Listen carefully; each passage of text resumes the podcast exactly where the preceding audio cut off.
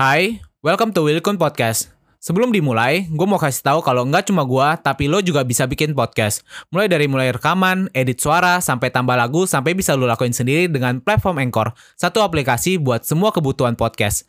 Bisa di-download dari App Store dan Play Store, atau bisa juga diakses dari website www.anchor.fm. Nggak cuma buat, tapi lo juga bisa langsung share dan publish hasil rekaman lo ke Apple Podcast, Spotify, Stitcher, dan lain-lain dari Anchor ini. Yang paling penting, Anchor ini gratis. What's up guys, welcome back to my channel, Wilkun Channel, dan selamat datang lagi di podcast cerita seram. Dan hari ini gue akan menceritakan kepada kalian sebuah tragedi yang udah gue taruh di Instagram gue. Kemarin kan gue minta voting ke kalian, kalian mau kasus tragedi Bintaro 1 atau tragedi Jumat Kelabu. Dan akhirnya yang menang itu adalah Jumat Kelabu dan menangnya tuh kecil banget loh, cuma beda satu persen.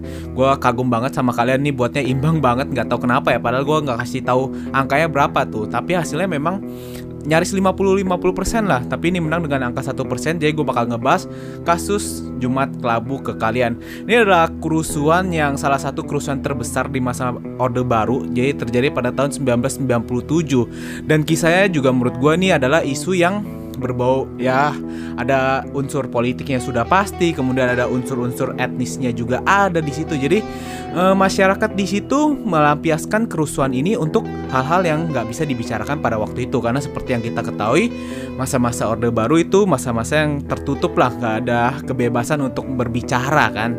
Oh ya sebelum gue mulai juga gue mau ingetin kepada kalian gue menyampaikan cerita atau tragedi yang ada di Indonesia ini. Bukannya mau membuka luka lama atau mau membuka kasus yang lama tapi sebagai pelajaran buat kita-kita khususnya kaum muda agar kasus seperti ini tidak terulang lagi. Kita harus belajar dari sejarah kita, jangan melupakan sejarah tapi belajar dari sejarah kita. Oke, jadi langsung aja kita mulai bahas kasus mengenai tragedi Jumat Kelabu atau Jumat Membara.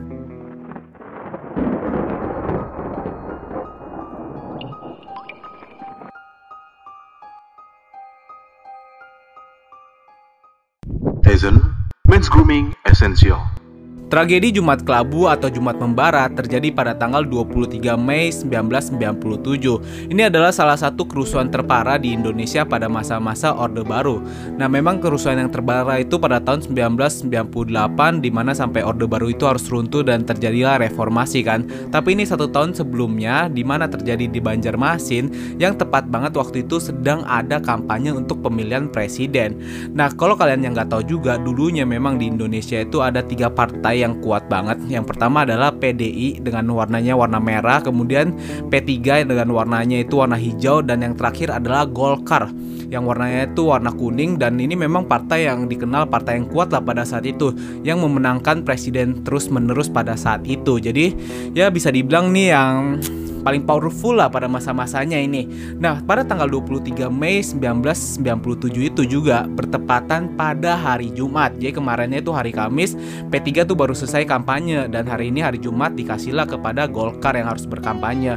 Nah, pada pagi hari itu dikatakan tidak ada yang aneh sama sekali. Banjarmasin itu sangat normal keadaannya dan sudah dihiasi dengan warna-warna Golkar gitu, warna kuning di mana-mana juga ada uh, ada bendera-bendera Golkar di mana-mana.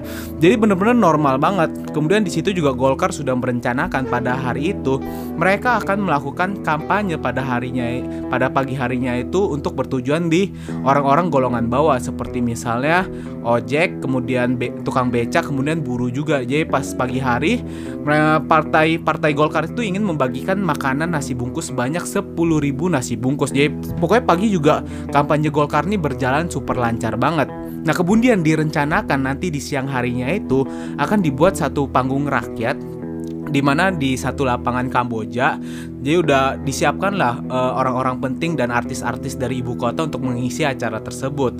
Nah kemudian setelah selesai acara pagi sampailah jam 11 siang kan. Nah 11 siang ini anggota partai Golkar yang terdiri dari anak-anak muda dan remaja rupanya mereka ingin melakukan keliling gitu, ingin ya bersorak-sorai dengan pakaian dan atribut-atribut mereka kan menggunakan sepeda motor. Tapi seharusnya yang tidak dilakukan oleh pemuda dan remaja dari Golkar itu adalah mereka seharusnya tidak menggunakan sepeda motor yang knalpotnya ini dicabuti. Jadi pada saat itu mereka mau berkeliling kota menggunakan sepeda motor yang kebanyakan sepeda motornya itu knalpotnya dicabutin. Jadi kalau kalian dengar knalpot yang berisik banget deh sepeda motor, kita deket aja atau di belakang gang gitu kan kedengeran dan ngerasa risih kan. Nah ini dia remaja atau uh, kaum kaum muda dari Golkar itu ingin berkeliling kota menggunakan sepeda motor yang seperti itu. Dan bertepatan juga mereka ingin melewati satu tempat yaitu Masjid Nur. Jadi kan tadi yang gue bilang itu bertepatan hari Jumat di mana sedang dilakukan sholat Jumat di sana. Dan dikabarkan juga di Masjid Nur itu pada saat itu uh, jumlah jemaat yang sedang sholat itu sedang banyak banget. Dan memang pada biasanya kalau sedang Jumatan itu biasanya jemaatnya itu luber sampai ke jalanan. Jadi bisa dibayangin berapa banyak jemaatnya pada saat itu dan kebetulan juga memang Masjid Nur ini berada di posisi di mana itu salah satu tempat yang dikuasai oleh P3 jadi pemikiran oleh remaja atau kaum muda di Golkar itu mereka harus lewat keliling situ biar mereka kelihatan powerful di situ karena mereka mau menunjukkan kalau Golkar ini adalah partai yang besar, partai yang kuat. Jadi mereka itu harus lewat di daerah kekuasaan dari P3 walaupun saat itu sedang dilakukan acara Jumatan di sana. Nah sebenarnya pada saat itu Polantas sudah mengingatkan kepada Satgas Golkar jangan lewat di situ sedang ada acara Jumatan. Tapi Satgas Golkar berdali mereka mengatakan kalau acara Jumatan ini tinggal doa doang. Jadi mereka tetap mau lewat situ mereka mau menunjukkan power mereka kalau mereka adalah partai yang kuat pada saat itu. Dan akhirnya mereka lewat dan di situ kan. Nah selesai acara Jumatan ini rupanya emosi dari jemaat yang mengadakan acara Jumatan itu sudah tidak bisa terkendalikan lagi. Isu-isu mereka akan mendatangi gedung atau kantor kantor DPD Golkar pun menyebar di satu Banjarmasin dan benar saja setelah acara itu banyak banget warga-warga yang mendatangi kantor dari DPD Golkar di Banjarmasin. Di situ di uh, kantor DPD ada beberapa satgas yang terdiri dari Pemuda Pancasila dan FKPPI. Nah, tapi di sini warganya itu datang banyak banget dan tidak bisa dibendung. Akhirnya memang yang satgas berada di kantor DPD ini tidak bisa mengendalikan amukan massa pada saat itu. Mereka harus menyelamatkan diri mereka. Mereka ini terpukul mundur. Pada saat itu kantor DPD Golkar dibakar habis dan setidaknya ada enam mobil dari kantor DPD Golkar yang dibakar juga. Setelah ini amukan masa itu nggak berhenti di sana aja, mereka menuju ke lapangan Kamboja di mana di situ ada panggung Golkar. Nah di sepanjang perjalanan dari kantor DPD ini ke tempat panggungnya itu warga benar-benar sangat mengamuk, benar-benar menghancurkan segala sesuatu yang mereka lewati. Ada ruko-ruko, ada rumah, ada mobil semua dihancurkan, kaca-kaca dipecahkan, dilempar dengan batu. Kemudian dikabar dikabarkan juga pada saat itu warga membawa senjata tajam jadi seperti senjata tajam celurit dan berbagai macam lainnya seperti samurai juga membawa seperti itu warga-warga. Sesampainya Perusuh di lapangan Kamboja, Perusuh ini bertemu dengan 20.000 anggota Golkar yang sedang ada di panggung tersebut. Di sini bentrokan tidak bisa diurai lagi dan akhirnya terjadi bentrokan besar-besaran. Tapi karena memang saking banyaknya Perusuh ini, akhirnya 20.000 orang partai Golkar itu terpukul mundur dan akhirnya panggung yang didirikan untuk Golkar ini juga dihancurkan dan dibakar. atribut-atribut dari Golkar juga tidak bisa diselamatkan lagi. Banyak banget bendera-bendera yang dibakar di situ. What's up guys? Sebelum kita lanjut, kenalan dulu yuk sama temen gue. Namanya Anchor. Anchor ini adalah all-in-one podcast editing platform yang membuat gue lebih mudah untuk rekaman, edit suara, tambah lagu, dan segala hal dalam pembuatan podcast yang sedang lo dengerin kali ini. Anchor juga bisa jadi temen lo juga loh. Cara tinggal download dari App Store atau Play Store atau juga bisa diakses di www.anchor.fm. Jadi download Anchor sekarang ya. Nah setelah itu kerusuhan tidak berhenti di situ aja setelah menghancurkan panggung yang dimiliki oleh Partai Golkar di lapangan Kamboja, para perusuh ini menuju Hotel Istana Barito yang dikabarkan kalau banyak anggota dari Partai Golkar yang menginap di sana. Nah, setelah mereka berjalan ke sana, lagi-lagi mereka menghancurkan apa saja yang mereka lewati, pertokoan, rumah-rumah, kemudian sekolah, kemudian juga ada mobil, ada motor, semua dihancurkan, kaca-kaca dipecahkan, dan lagi-lagi ya mereka itu membawa senjata tajam, jadi orang-orang nggak ada yang berani menghentikan keadaan kerusuhan ini. Ya memang pada saat itu warga tak takut terluka. Sesampainya perusuh di depan Hotel Istana Barito, mereka bertemu dengan ribuan anggota Golkar dan kerusuhan pada saat itu tidak bisa dihindari lagi. Di sini dikabarkan para perusuh ini menggunakan atribut-atribut yang kelihatan seperti warna merah dan hijau yang identik banget dengan P3 dan PDI. Sedangkan mereka juga merusakkan atribut-atribut yang berbau Golkar gitu. Dikabarkan juga ada seorang wanita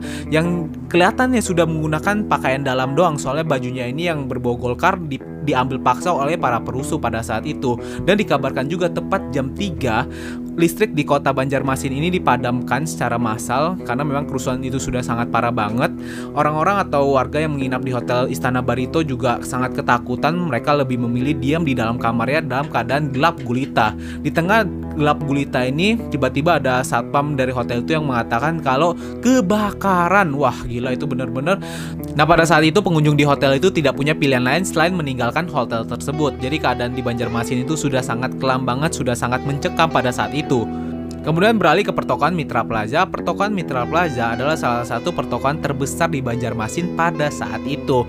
Nah, sebenarnya jam 3 itu pimpinan Mitra Plaza sudah memutuskan karena sangat besar banget kerusuhan ini, akhirnya memutuskan untuk menutup sementara Mitra Plaza pada saat itu. Jadi para karyawan, para pekerja yang bekerja di Mitra Plaza pada saat itu dipulangkan dan toko-toko ditutup pada di situ. Dan kemudian sudah disiapkan juga pagar betis, tapi karena saking hebohnya, saking parahnya, saking chaosnya keadaan pada saat saat itu pagar betis yang dibuat oleh pimpinan uh, Mitra Plaza ini ditembus oleh para perusuh. Dan akhirnya para perusuh itu masuk menghancurkan Mitra Plaza kaca-kaca dipecahkan toko-toko dijarah pada saat itu. Dan akhirnya ada sebuah mobil sedan berwarna putih yang ditabrakkan ke sebuah kios toko dan akhirnya dibakar dan pada hari itu Mitra Plaza terbakar, jadi gedung 4 lantai ini terbakar habis. Yang dikabarkan apinya ini menyala dari jam 8 sampai 9 pagi. Jadi bisa dibayangin toko yang sangat besar banget nih ada 4 lantai.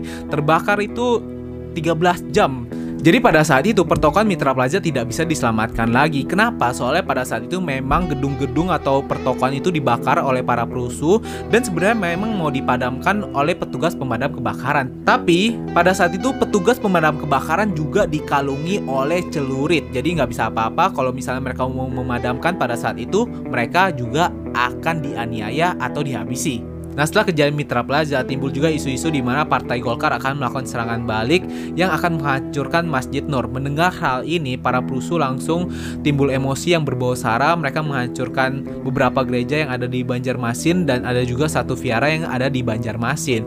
Nah di sini para warga keturunan juga diserang, toko-toko milik warga keturunan dihancurkan, benar-benar parah banget. Kemudian dilemparin juga dengan batu-batu sehingga kalau ada tokonya itu kaca, etalasenya dihancurin habis-habisan. Jadi warga-warga keturunan, warga-warga yang tidak mengikuti kerusuhan ini benar-benar ketakutan dan memutuskan untuk diam di dalam rumah, tidak keluar. Jadi bisa dibayangkan pada saat itu keadaan Banjarmasin benar-benar udah chaos banget, sangat mengerikan, sangat mencekam. Gedung-gedung dibakar, pertokoan juga dibakar, ditambah lagi Mitra Plaza yang terbakar luar biasa hebat banget, nggak boleh dipadamkan. Orang-orang yang sedang menjara di dalam Mitra Plaza juga terpanggang habis karena ya mereka nggak tahu apa-apa. Tiba-tiba Mitra Plaza udah terbakar mereka udah nggak bisa keluar dari Mitra Plaza tersebut. Kemudian polisi baru bisa bertindak pada saat itu jam 10 malam karena pada jam 10 malam itu juga diturunkan 1000 anggota dengan perlengkapan lengkap dan di jam 11 juga pasukan diperbolehkan untuk menangkap dan menindak tegas orang-orang yang melakukan kerusuhan pada saat itu. Jadi kalau misalnya mereka benar-benar nggak bisa dikendalikan lagi, pasukan diperbolehkan untuk menembak di tempat pada saat itu.